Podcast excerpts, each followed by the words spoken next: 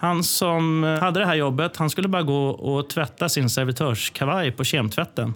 Han har fortfarande inte kommit tillbaka. Det är tre dagar sedan. Kan du börja imorgon? Ja, ja, inga problem. För du har väl jobbat restaurang? Ja, i Sverige. Ja, skitbra. Då syns vi imorgon. Ja, just det. Vi, vi har två stjärnor i Guide Michelin och vi rankade topp fem vad gäller gourmetrestauranger i London.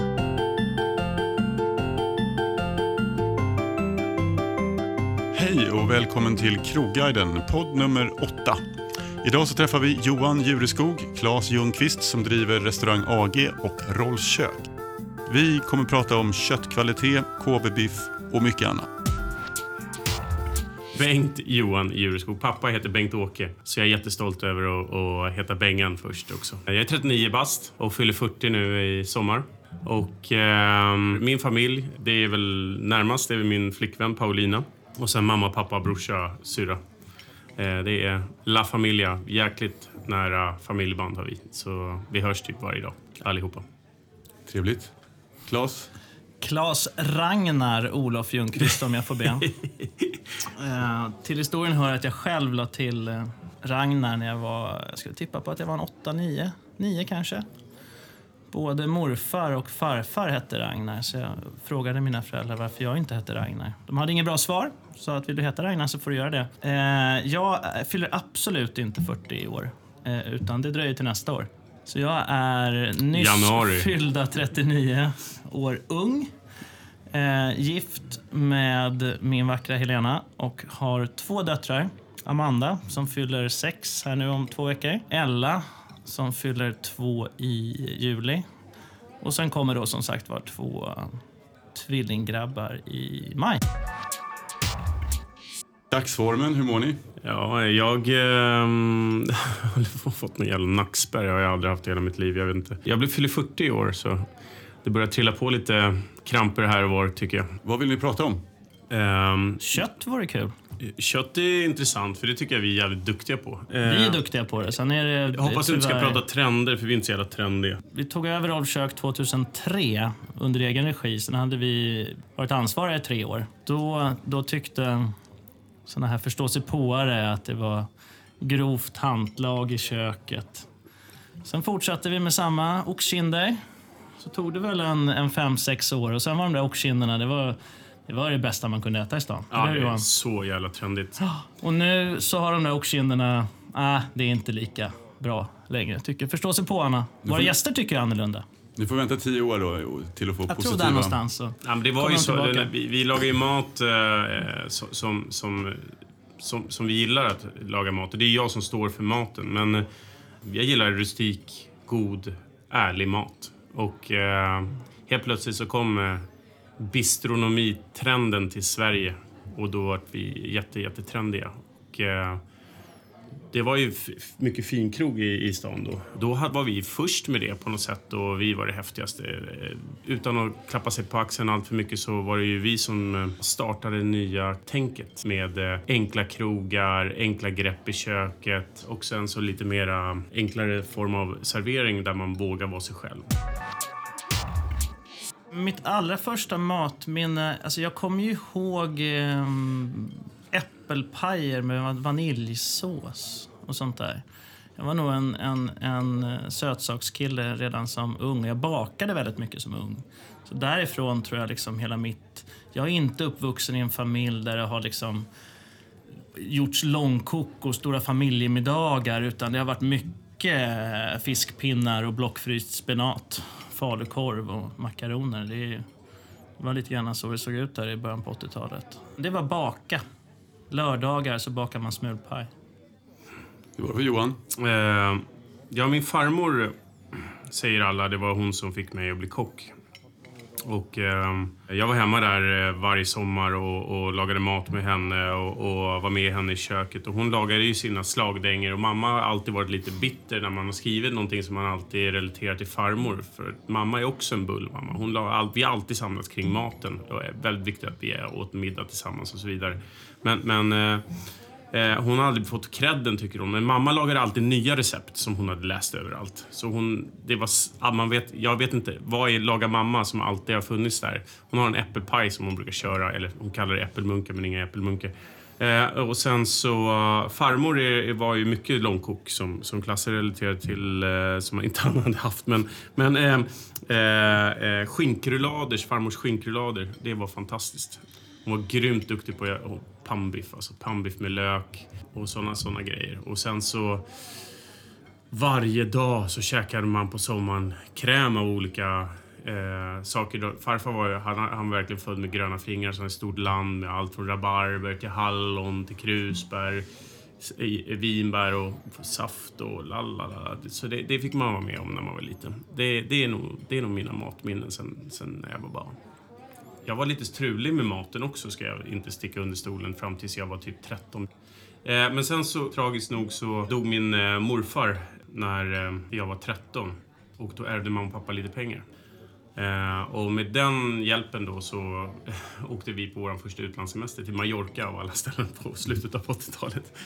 Där gick man på restaurang varje dag. Och det här med restaurang var ju så jäkla, jäkla häftigt. Så där bestämde jag mig på Mallorca 89 att jag skulle bli kock. Nu kommer mamma eh, ja, jag, jag lagade väldigt, väldigt mycket mat. Alltså, flera dagar i veckan så sa jag till morsan, så gav jag henne på morgonen en, en inköpslista. Det här vill jag prova ikväll. Och så fick hon köpa in det och sen så tog jag hand om maten. Så var det. Men jag vet inte... Jag vill gärna säga att det var varje dag, men det var det kanske inte. du var inte hemma varje kväll i gymnasiet, det kan jag intyga. Nej, det, det kan nog stämma. När jag läste på lite om, om dig Johan, så det var lite tufft i början på skolan, men sen så sen gick det som bara den. Jag hade jätteproblem, för jag är en rastlös själ eh, med att eh, klara mig igenom skolan utan att leka och busa. Så ettan till sexan var det nog mest bus. Och sen sjuan också var det mest bus och då gick vi till samma klass. Och, och jag, lek, jag var lekstuga. Men sen så någonstans i, i min... Eh, I min, i, min, I min själ finns det en eh, tävlingsmänniska som gillar mest att tävla med mig själv och och sätta press på mig själv. Och när det kom in betyg i bilden så, så skärpte jag mig 100 procent. Och det var lite svårt kanske. Jag har inte Klas läshuvud, absolut, men eh, min hjärna klarade av eh, att få toppbetyg i, i, i åttan och nian. Men, alltså skriva bra, men någonstans så satt det i, ändå i, eh, i mina lärares eh, bakhuvud vad jag hade gjort i sjuan. Så, de, så det var svårt att få de där alltså, sista femman i alla fall. Men sen så kom jag till gymnasiet och då var jag ensam som gick till gymnasiet och eh, någonstans så var det ingen som kände mig och vem jag var och jag vart ju duktiga, duktiga Arne liksom. och eh, det, var, det var nästan som att jag var lärare där. Då hade du ju hittat rätt. Du gjorde ja. det du ville göra. Ja, precis. Så det var, på, på köksdelen så var det liksom jag varit pappa för alla. Liksom. Det gick mig att fråga hur man skulle göra. Fan. Jag har alltid stått på mig själv. Kunde man inte svaret så kunde man i alla fall romantisera ut ett bra svar så folk trodde på det. Liksom. Men alltid varit liksom... Ja, men inte, jag ska inte säga auktoritär, men ja.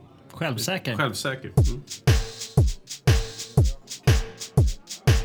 Sverige håller på att verkligen förändras när det kommer till råvaror. Folk är inte intresserade och eh, stoppar i sig vad som helst längre. Det tycker jag är helt, helt fantastiskt. Vi måste ju börja med att lära våra barn att tycka om mat. Och eh, man märker ju på... Fan, det låter ju hemskt, men ungdomarna... Eh, 20-åringarna idag är, är fan mycket mer koll på mat än vad, vad man hade själv när man var liten. Men hur ska föräldrar göra, tror ni, för att väcka intresset hos sina barn? Alltså, dels finns det ju nu. Nu finns det tillgång. Du kan få bra råvaror hem till din dörr. Du kan få ekologisk frukt levererat varje vecka. Du, det, finns, det finns ett utbud. Eh, sen vad gäller barn, barn är barn. Det, det är bara att, att, nöta på. Ibland är det gott med broccoli, ibland är det inte gott. Ibland funkar inga röda saker. Alltså, det, sluta aldrig laga mat till barnen. Jag är ju inte då som sagt jag är inte utbildad i det här. Utan I matsalen kommer du långt med att ljuga och sen så jobba upp empirisk kunskap så att säga. Så jag jobbade på centralstationen. Klock hette det då nere vid pendeltågen. Så fanns en liten korvkiosk där och kaféerna runt omkring. Så där, där jobbade jag under gymnasietiden för att få extra pengar. Och efter lumpen så jobbade jag där heltid. Sen var det tråkigt och så tänkte jag att jag kunde åka till London och jobba Eh, så då åkte jag till London och så gick på en privat arbetsförmedling där och så frågade de vad jag kunde göra. Så sa jag att jag kunde jobba restaurang. För jag hade ju hört Johan, han hade precis fått jobb på Enstjärnig, Polo Norbert, Strandvägen, svåraste, de anställde aldrig några. Så mytomspunnen krog verkligen. Så jag fick två intervjuer. Jag fick en intervju på ett ställe som heter Langhams Brasserie. Där blev jag förhörd av en assistant manager. Han frågade mig vad hette restaurangen, hur såg det ut, vad hade ni på menyn, hur dukade ni upp? Och jag bara ljög. Och kände att ah, det här kanske blir lite småklurigt ändå. ja, jag gick jag vidare till nästa intervju. Liten restaurang, skittrevligt på Charlotte Street. Det var en stor eh, rangering i mitten med färska orkidéer och det var Andy Warhol-tavlor på väggarna. Det var inte alls lika många bord, det var bara en 12 bord. Perfekt, tänkte jag. Satte mig ner, ägaren um, intervjuade mig och kände att ah, det här kanske blir lite småklurigt ändå. ja, eh, jag behöver en servitör. Han som ehm, hade det här jobbet, han skulle bara gå och tvätta sin servitörskavaj på kemtvätten. Han har fortfarande inte kommit tillbaka, det är tre dagar sedan. Kan du börja imorgon? Ja, ja, inga problem. För du har väl jobbat restaurang? Ja, i Sverige. Ja, skitbra, syns vi imorgon. Ja, just det. Vi, vi har två stjärnor i Guide Michelin och vi rankade topp fem vad gäller gourmetrestauranger i London. Så på den vägen var det. Är du nervös? Ja, då ringde jag Johan. så, Ja, du- så var jag lite dryg för så jag sa, ja, du jobbar enstjärnigt. Jag har precis fått jobb på en tvåstjärnig. Du, jag bara, din jävel. Nej, men sen, skämt åsido, sen gällde det att bara göra fel en gång. Aldrig göra samma fel två gånger. Men jag gjorde nog alla fel man kunde göra. Och jag hade ju fantastiskt svårt att se skillnad på det som kom upp ur köket. För det var ju så mycket grejer på de där tallrikarna. Vad var lamm och vad var anka? Jag hade ingen koll. Fiskbestick, vad var det för något? Så att det, det gällde att ha en, det var en brant inlärningskurva. Men du måste ha varit, haft någon charm då, för att annars skulle du säkert fått sparken efter Ja, någon. någonting var det ju. Och eh, de satt lite i, i, i kacket på personal. Så de skulle ju sparka mig där efter tre dagar, men sen, så, sen kom jag igång. Jag, jag var ju tre, nästan tre år i, i, i Frankrike. Och jag hade bestämt mig... Jag hade anställning på Paul Norbert då och sen så hade jag fått liksom eh, några stipendium som jag hade sökt. Som sagt, jag var inte så jävla eh, bra eh, bemedlad eh, så jag kunde få låna massa pengar hemifrån och sådär. Eh, men jag hade bestämt mig att jag hade hört att alla åkte och skulle jobba trestjärniga och sådär. Men jag var bestämd att ska jag jobba, då ska jag jobba och då ska jag ha betalt för det. Så jag sökte mig till enstjärniga krogar. Så fick jag eh, en kontakt och kom till Gascogne, greven av Gascogne eh, som låg i Boulogne-Billancourt. Så hade jag haft tur och jag hade gjort lite cateringar åt en eh, familj och eh, där sonen var uppe under en, en helg och var med på den här middagen och sa så här, du kan ju bo hos mig. Det är inga problem om du ska till Paris, självklart. Och Alltså det var en fantastisk lägenhet som låg mitt i Marais, takvåning, jag vet inte hur många kvadrat. Och fick ett eget rum där till en början och så bodde jag där. Och, eh, jag kommer ihåg när jag åkte ner, då hade jag liksom inga polare, precis, då hade vi inte Klas heller, men man, man var själv och han var borta. Och så åkte jag direkt ut, bara slängde in grejerna och så åkte jag till det här. Och det var så trevligt. Bara kom till, de tog emot mig så här, åh, nu kommer svensken, åh vad roligt, det ska bli skitkul. Och, ja, du har jobbat enstjärnigt, fan vad härligt. Ja, men du ska jobba på varmspisen här och, och, och så köra. Då kommer du tillbaka på måndagen. Och det här var ju då på fredagen, så då hade jag lördagen och söndagen och bara gå runt och strosa i Paris och kolla in filmer på kvällarna och ta det lugnt. Eh, och sen så kom jag in och var på glatt humör. Men jag förstod ganska snabbt att det var ju inget glatt ställe. Alltså de stod och verkligen... Alltså en jävla penalism mellan då den lilla chefen och den stora chefen som ägde det som bara gick runt och skrek hela tiden på lilla chefen som skrek på oss. Och eh, alla gick och förstörde för varandra. Mina kockkollegor gick och höjde ugnarna för mig i början så att inte jag såg och brände grejer. Och det var, det var, det var re, det, rent jävla helvete alltså. Sen var det jävligt härlig matlagning. Fiskarna kom ju hem i fjällen på outtagna. Eh, Fåglarna kom hem med eh, fortfarande fjädrarna kvar så man fick stå och plocka dem och bränna dem och, och verkligen ta hand om allting från grunden. Och pilgrimsmusslorna kom hem med sitt skal. Det hade jag aldrig sett i Sverige då. Så man Det fick fanns stå, inte då i nej, Sverige. Nej, för jag fick stå verkligen och bara jobba och, och, och verkligen bygga upp varje dag sin, sin mise en place för dagen. Och eh, superenkel, superhärlig matlagning. Jag har varit och käkat där en, gång efter och det var ju så här Åh, Johan! När jag kom in där. Och du vet, jag, gick, jag, alltså jag, jag, jag gick därifrån efter... Jag kom ner i februari. Jag slutade väl i augusti eller september någon gång. Och eh, då fick jag jobb på ett, annat ställe där eh, köksmästaren hade precis slutat och han jobbade med extra personal, det var också enstjärnig och jag tycker kanske inte matlagningen var lika bra där eh, på Piero Palais mitt i smeten. Men eh, när nya köksmästaren kom in från en tvåstjärnig krog som heter Le Trois Marches i, i, i Versailles så tog han till sig mig för att jag visste ju vad alla, ställen, alla, alla grytorna var och hur liksom det funkade på den här restaurangen så jag var ju hans lilla gullegris. Och han hade ändå en souschef med sig så jag fick ju verkligen gå hem på, på söndagskvällarna och, och käka middag med hans familj. Och, ja, det var en fantastisk tid. Då verkligen var det kul att jobba i Paris. Och där körde man, det var liksom inget jävla gnäll, men första tiden var ett rent jävla helvete. Alltså. Jag, gick hem, jag, jag, typ, jag grät eh, många gånger ja, när jag åkte hem och bara, jag ville inte tillbaka. Och, ja, det var pest och pina. Jag har aldrig någonsin stött på en människa som gör ett bättre jobb om man skriker på den. Nej. Alltså, se- sen kan man säga till folk och man kan så här gör vi här. Det är, inget, det är en sak att vara auktoritär, men, men, men hålla på och vara jävlig mot folk och tro att de ska prestera någonting bra. Det är hål i huvudet. Det funkar inte någonstans. Nej, men det, det är där som är det är om bakfoten i Sverige. För det första så Guide Michelins stjärnor är, eh, är inte så enkelt. Utan det första Guide Michelin tittar på när de gör en bedömning, det är hur många bestick en restaurang har. Så är det en enkel restaurang, utan dukar, väldigt härlig, informell servering, så det är ett ställe som Rollkök, där den har ett bestick. Eh, Operakällaren är precis tvärtom. Den har fem röda bestick. Eh, och när den var utan stjärna, eh, nu fick den en stjärna förra året, tillbaka sin stjärna. Då var den enda restaurangen i hela världen som hade fem röda bestick men ingen stjärna. Sen säger Guide Michelin, i sin kategori så kan man laga exceptionellt god mat. Då får man en stjärna.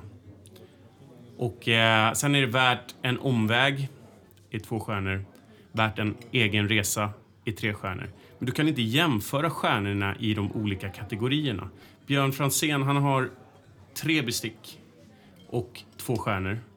Medan Operakällaren har fem röda bestick som är topp, topp. Superlyx.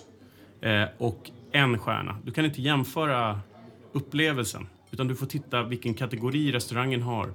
Jag menar, det är en... Eh, Franzén är en lyxbistro. Eh, nu kommer han bli förbannad när jag säger det. Men det är liksom en, en lyxrestaurang i, i ett litet format. Medan Operakällaren är den optimala lyxkrogen med verkligen silver service och ett bemötande som är större. Eh, Och då tittar de även på eh, själva takmålningarna och själva eh, atmosfären i hela restaurangen. Så, så det är lite om bakfoten. Jag tycker att media ska titta på det också. Jag menar, man kan inte bara skriva att eh, Sverige fick så många stjärnor.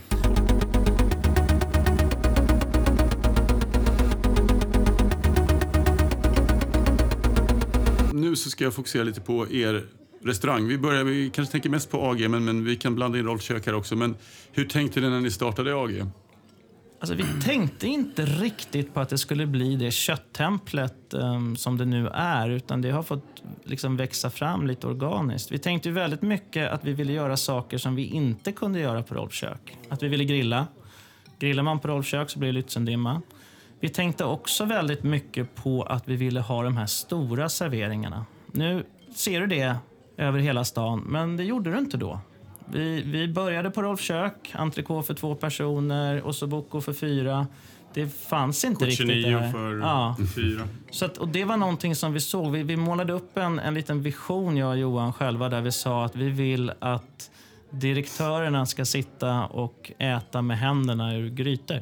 Och vi trodde också, någonting som jag tycker att vi har fått rätt mycket rätt i, att det här med fyra, fem timmars middagar, det är inte någonting... De som är ute och representerar mycket, det vill de inte ha tre dagar i veckan. Du vill kunna komma till en krog, du vill kunna få en jättebra upplevelse, du vill få kvalitet. Eh, du vill få lite prestige och vara borta på två, två och en halv timme. Men där var ni lite tidiga, för idag är det inte så konstigt att tänka så, men ni var tidiga med det tänket. Ja. Claes och jag, vi har en väldigt god vän i, i, eh, i Barcelona. Och, eh, jag träffade honom i Paris, vi jobbade tillsammans och han var uppe på rollkök också och eh, jobbade som souschef första året. Han inspirerade jättemycket till spanska råvaror. Jag älskar Span Spanien. Spanien är det bästa matlandet i världen tycker jag. Generellt. Och eh, när vi åker ner på våra inspirationsresor så har vi varit väldigt ofta i, i just Spanien. Jag har haft en spansk tjej som bodde i Madrid. Vi älskar att gå ut och käka tapas. Verkligen. Och eh, vi vill ha en tapasbar. Och nu är det ju så att mycket av, av, av faller ju i slumpen när du ser en lokal, vad du kan göra av den. Vi tyckte att AG, vi kan inte så mycket om bar. Nu tycker jag vi har en sån jäkla bra bar med Georgios som är en av de absolut mest inspirerade och duktiga barchefer i, i stan. Men Tapasbaren i alla fall eh, eh, är en restaurang i sig på AG. Och vi har tänkt om vi skulle namnge den så att den blir en egen restaurang. Men vi har, vi har lämnat det som det är. Det är våran bar som man eh, lätt kan stå och äta en hel kväll. Man kan äta vår hamburgare där. Framförallt jag har ju va verkligen varit alltid så här passionerad i nötkött. Alltså nötkött är, det är svårslaget. En, en god köttbit, gärna en, en entrecote, hängmörad, marmorerad och en sallad. Och eh, med Klas inspiration om vin här som jag har blivit helt förhäxad av de senaste fem åren så, så, så det, det, det är så trestjärnigt det kan bli för mig. Så då, jag vet inte, första, första året så stod jag fortfarande i luckan och rörde till det eh, på, på AG. Eh, vi fick mer och mer att göra. Gäster vill komma in i köket och säga hej och det funkade liksom inte. Klas och jag satt och pratade och jag vet inte vem som kläckte idén men fan, gå ut i matsalen. Men jag måste ju ha någonting att prata om om jag går i matsalen. Jag vill inte stå där och skämmas. Så då hittade vi på titeln köttsommelier. Och då tänkte jag att då måste vi verkligen nörda ner oss med kött. Då skapade vi köttlistan. Det här var också någonting som vi, alltså vi hade ju, vi hade ju tänkt det här. Vi, vi var i vi var Las Vegas en gång och åt på um, Carne e Vino, Mario Batalis. Mario Batali är världens coolaste kock. Och de var så jäkla duktiga där hantverksmässigt. Ut med köttet, de trancherade vid bordet. Grymt. Det där ska vi göra. Vi ska göra det här. Vi hade annat sånt där härligt gammalt matsalsarbete på El Raco de Canfabes till exempel utanför Barcelona. Men sen sa vi, nu öppnar vi en stor krog. Som, det här är mycket större än, någon, än vad vi eh, har koll på. Det finns i den här jantelagsstaden väldigt många som vill se att det inte går bra för en. Så vi sa, vi ska hålla det enkelt till en början. Vi ska inte göra någonting i matsalen. Vi ska laga god mat, vi ska lägga det på en tallrik eller på ett fat och bära ut det till gästen. Sen, när vi känner oss bekväma i den här kostymen, då ska vi lägga på. Och det har vi gjort. Och eh, idag vi varit ju precis omröstade som en av de tio bästa köttrestaurangerna i världen. Eh, vi, har, vi har ett unikt sortiment på kött. Vi jobbar inte bara med Sverige. Vi försöker jobba med Sverige så mycket som möjligt. För att eh, närproducerat och så vidare. Men det gäller att få, också få tag i de där köttbitarna i Sverige. För det är trots allt jag och Claes som ska stå och förklara för gästerna att det här är skitgott. Och då måste det vara det. Så jag försöker jobba för att Sverige ska förstå kött. Inte för att vi ska äta mer kött utan att vi ska äta bättre kött och se till att bönderna får mer betalt så att de vill producera bättre kött. Vi är den enda certifierade krogen i hela Norden för tillfället eh, som får sälja KB. Man kan få eh, dispens och få sälja KB men då får du skriva på ett sex månaders avtal. Eh, och sen så måste du certifiera dig. Det är väldigt många som nog skulle vilja byta sitt liv mot en KB, KB-kossa. Ja, de har haft det bra. De blir ryktade varje dag. Som det är massage eller, eller, eller, så. Och sen så har de en individuell kost. Så man tittar på djuret och ser vad tycker den här om att äta i kolhydratsväg. Och de blir, att de blir ryktade, det har med renheten att göra. Du vill Mm. inte få in några som helst sjukdomar i en besättning för att djuren är så värdefulla.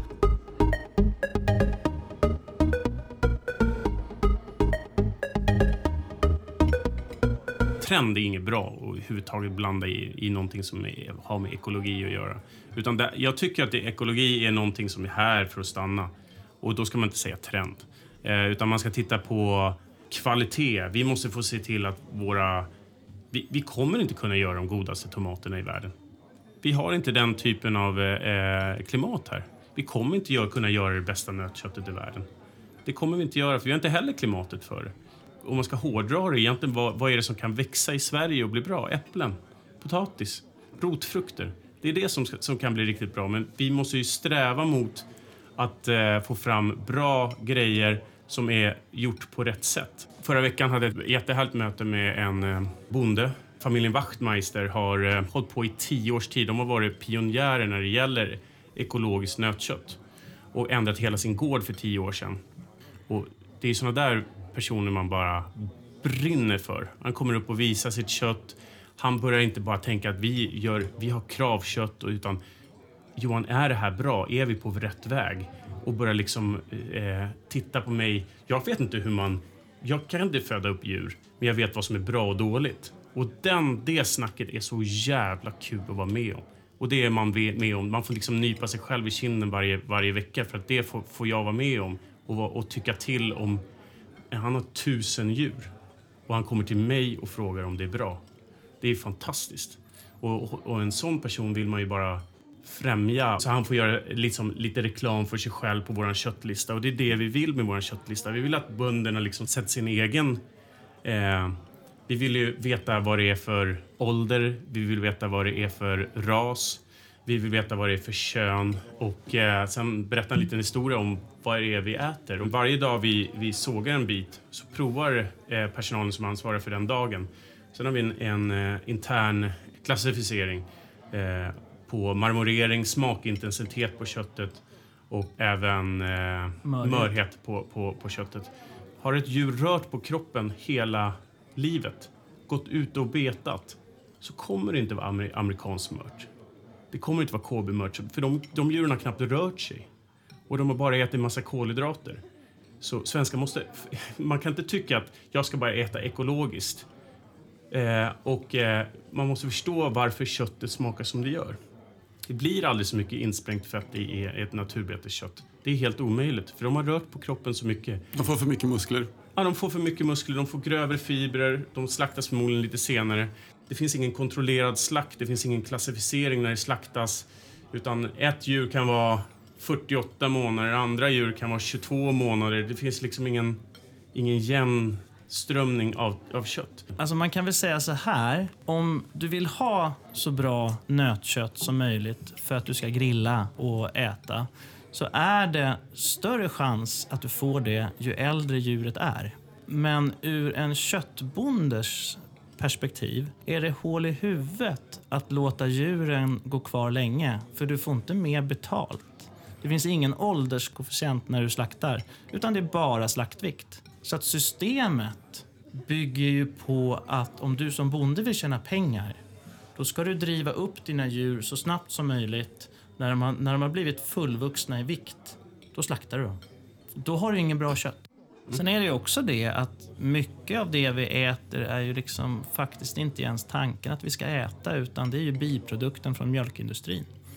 Så du behöver ju kalvar för att korna ska ge, ge mjölk och hondjur får gå kvar och i sin tur eh, ge nya kalvar och ny mjölk medan handjuren går till slakt. När man ska köpa en köttbit, vad är tipset då? Man går inte kanske till Ica utan man går till en saluhall? Du ska handla av en person.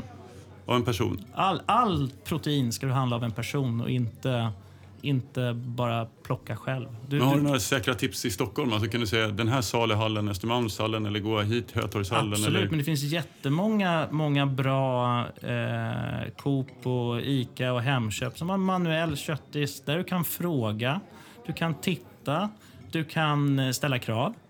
Helst ska man då veta om att det här är ett djur som, som är en viss ålder på. Det, det, det är svårt. Den informationen kanske man inte kan få fram.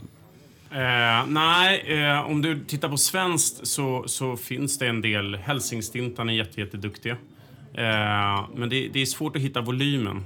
Men det, alltså jag, jag tror att det handlar om att även om de som står där bakom köttdisken kanske inte vet allt. Men vi kan ställa krav. Vi kan fråga var kommer det här köttet ifrån? Hur gammalt är det? Ja, men då får de ta reda på det. Det är inte det att man inte får köpa ungt kött eller att man inte ska. Eller, det är inte det det handlar om. Utan Om du handlar av personer så är chansen mycket större att du träffar på någon som faktiskt brinner för det de gör. Än om du plockar själv ur en kyldisk. Tystnad, eh, tagning! Varsågod. Varje månad behövs tusentals statister. Statist.se har uppdrag till dig som vill vara statist, skådespelare, modell eller tv-publik. Hitta ett roligare jobb redan idag på statist.se. Tack så mycket. Där satt den. En marmorerad högrev är fantastisk. Men jag tycker det är mer intressant, ska du göra ett långkok, att göra det på kinden eller lägget som innehåller väldigt mycket sån här bindväv som har hållit ihop de olika musklerna. Det finns extremt mycket i, i, musk, i muskler som har rört på sig mycket, som kinden eh, och eh, lägget och framförallt bringan. Jag tycker det är nästan godare att göra långkok på. Ofta när man köper kött tycker jag, på krogen så ser man ju ett pris hängmörat och, och en viss antal månader och så blir det lite dyrare ju längre det- är hängmörat. Men vad är, vad är smakskillnaden? Får man mer smak ju längre det hänger eller är, får man annorlunda smak? När man producerar vin till exempel så gör ett kvalitativt vin så börjar man plocka bort vindruvor och vinklasar eh, ganska tidigt, bara när de är i skott. Just för att få koncentrerade druvor på slutet. Och då att de druvorna som, som själva vinrankan producerar ska vara smaka så mycket som möjligt. Så är det lite med kött också. Det dunstar ju lite eh, vätska hela tiden när du hängmör ett kött. Eh, men jag, jag tycker inte så här... Det är jättesvårt för mig att säga om det är bäst att stoppa in alltså kött från en vakuumpåse eller hängmöra det länge. Hängmörat kött det kan du bara göra när det är extremt fett. Då kan du nästan hänga det tills ja, hur länge som helst. För det blir så nästan som en luftström i, i köttet som cirkulerar. Och eh, det gör att eh, det, inte tork, det torkar ut. Men har du liksom en stock då som är till exempel då från ett naturbeteskött som inte är så himla marmorerat, då, då kan det ruttna på tre veckor bara för att det är så mycket vatten i köttet. Det är, jag har jättesvårt att säga vad som är godast. KB till exempel, som är en av världens dyraste kött, de har en klar filosofi att det inte ska vara hängmörat alls. Det ska nästan stoppas direkt i en vakuumpåse. Eh, så vad är godast? Eh, det blir en renare smak i, i, i något som- det kallas våtmörat eller wet aged när du stoppar det i en vakuumpåse. Det viktiga man ska tänka på när man köper köttbit det är att köttet måste hänga ut. Ett nötkött måste vara minst två veckor konsumerat efter slakt. Alltså det måste ligga minst två veckor och hur du gör det, det, det är upp till dig. Men sen får du en annan smakprofil om det är hängmörat. Det tar ungefär två veckor för köttet att bli så mört som det kan bli. Om du sen hänger det längre så blir det inte mörare. Men däremot så tar andra toner över. Och då får du det här som till slut, liksom det här intensiva, nötiga, knäckiga, det som liksom kan eh, långt där borta dra mot eh, och anklever om du hänger riktigt länge. Alltså, vi har ätit så jävla mycket goda hamburgare. Fan, det är väl kanske dags att dra igång eh, liksom gourmetburgaren i Sverige på riktigt. För att trots allt så ligger vi på en stans smutsigaste bakgata eh, på Fridhemsplan där det inte finns jättemånga restauranger, i alla fall inte våran omnejd, eh, på våran gata. Så det måste ju vara någonting som alla har råd att köpa. Alla kan komma förbi. Och eh, med hamburgaren och säga så här att jag gick ut och sa så här, eller vi gick ut och sa att, eh, att jag ska göra Sveriges bästa hamburgare. Vi fick fan med 100 tidningsartiklar på det. Och det gjorde att vi... Eh, det skrev väldigt mycket om oss på sociala medier. Om det var världens bästa eller, eller Sveriges bästa eller om det var... Eller, folk tycker. Folk tycker väldigt mycket om, om hamburgare för att alla vågar tycka någonting. Varför har hamburgaren liksom tagit så mycket plats? Jag vet att när jag snackade med Jon här på Flipping så han sa ju det att innan ni började med er burgare till exempel så var ju Peppar på Torsgatan här. De var ju lite coola och hade liksom, fick ju mycket cred för sin hamburgare. Du har ju Bistro i Gamla stan, vad heter de då? Grill Ruby. De var ju också tidiga med, med att göra någon form av liksom lite Erik, hans cheeseburgare på Eriks bakficka. Sen han startade den här så körde han ju sin hamburgare. Men det är ju liksom en två toastar smörstekta med en hamburgare emellan. Det är något annat liksom. Vi är uppvuxna med McDonalds och Clock. Vad heter det mer? Wimpys hette det. Det fanns det väl inget mer? Burger King. Burger King. Ja. Fan vad det är inte gott alltså.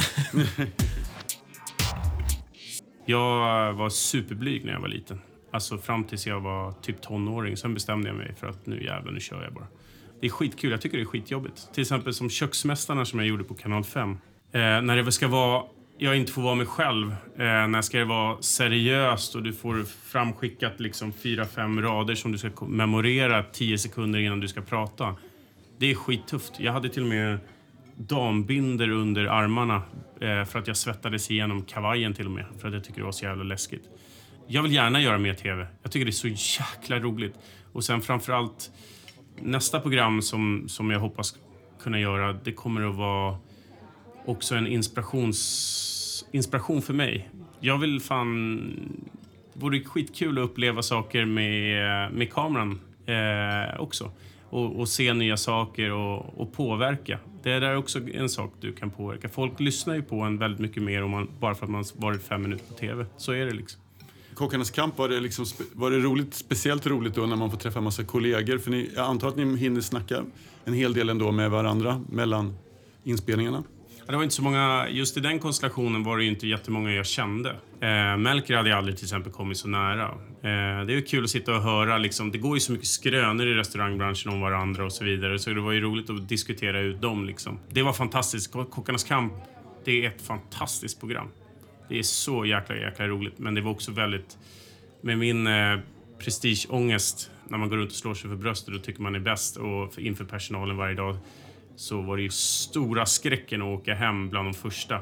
För just skammen för en själv. Liksom. Men jag menar, det är ju lite slumpmässigt vem det är. Jag menar, vem vispar äggvita snabbast och sätter över huvudet. Liksom. Det kan ju vem som helst åka ut på. Liksom.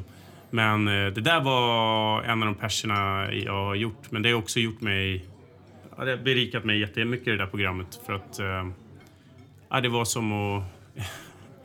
eh, överleva ett sjunkande skepp. Liksom. Men det var fantastiskt. Det var jätteroligt. Och sen Håkan är världens, Håkan Törnström som vann över mig. Då, han är världens bästa människa. Så det var bara härligt. Favoritkrogar i Stockholm? Har ni, eh, hinner ni gå på krogen själva? Ja, alltså jag...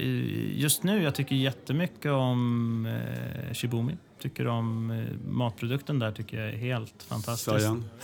Sen är de kanske lite svåra att få tag på ibland. De tillhör de här krogarna som väljer att inte svara i telefon på, på kvällen. Och det, det tycker jag saker om. Men det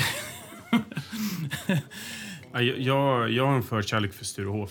Jag älskar Sturehof. Eh, jag kanske inte äter allt på Sturehof. Eh, jag Sturehof kommer man alltid till. Ja. Det, är liksom, det är en institution. Det är, det är Sveriges bästa restaurang. Men kommer ner snack. efter service någon gång när man unnar sig och äta Lax och dillstuvad?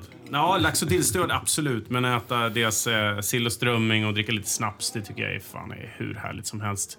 Eh, det är en mötesplats, helt klart. Utan tvekan Sveriges bästa restaurang, Matbaren. Eh, ska man äta gott eh, tycker jag att det finns annat ställe. Det är en fantastisk matprodukt. Ja, men, det, men sen beror det på det. Vad är du ute efter? Ska du, ha, ska du sitta och, och, och mysa med din kära? Ska du gå ut med grabbarna och stoja lite? Alltså, du, du väljer ju restaurang, tror jag, mer nu för tiden utifrån syftet med kvällen. Mm. Och där är det ju, det är inte så att, du, att, att alla restauranger passar för alla tillfällen. Nej, men som jag var, jag var på Teatergrillen förra helgen. Ah, så jäkla rolig kväll. God mat. Jätte, jättegod mat. Eh, samtidigt som jag respekterar eh, Micke Einarsson på djuret och pubologi. Han är utan tvekan absolut en av de mest ambitiösa kockarna vi har i det här landet. Och han borde få komma fram lite mer. Han är jätte, jätteduktig. Sen hade vi en fantastisk lunch på Franzén. Det var ju... Ja, Franzén. Alltså, det var ju... fin, fin krog så är det Franzén, det, är, det är number one. Det är bara så. Du ska träffa Melker Andersson som du har då, träffat i tv-programsammanhang. Vad ska man prata med honom om? Han har väl kommit in i en, i en andra fas som vore eller i en ny fas. Det vore spännande att, att, att höra om det lite mer, hur han tänker när han avyttrar en hel del gamla trotjänare för att börja på en ny kula och vad, vad som ligger bakom där och vad, vad, vad tanken är. Han har ju sålt av allting och snacket går ju om att han, att han vill göra saker och ting som han inte behöver vara lika delaktig i. Och det, jag menar, Klas fru har jobbat för honom och han är ju, vad han har gjort för Krogsverige, det är enormt. Han är Det kan inte ha varit helt nyttigt för hans själ och hans familj det sättet han har drivit sina krogar. För han är perfektionist. Han är Gunde Svan i, eh, i krogbranschen. Sen så kan man ju sådär... Eh, yrkesmässigt har jag ingenting att säga. Men sen rent personligt när vi var nere på Kockarnas kamp. Liksom, vi drack lite vin på kvällarna, vi hade mysigt. Han drack cola. Han dricker inte, han njuter inte. Vem är han? Vem, vem, vem liksom, vad är, vad är njuta för honom? Det är svårt. Kan du få fram det? Det skulle jag lyssna på då kan jag säga. För att eh, någonstans så har man ju... Jag har min golf som jag brinner för. Jag började för fem år sedan. Den har ju verkligen räddat mig, tycker jag.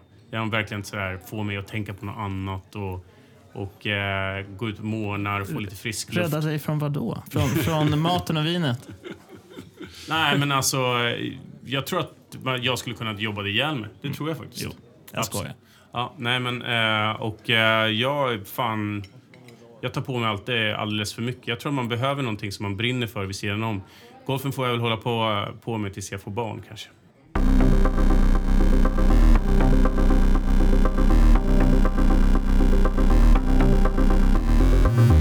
Är det annorlunda nu när man äter på krogen än det var för, om vi säger fyra, fem år sedan?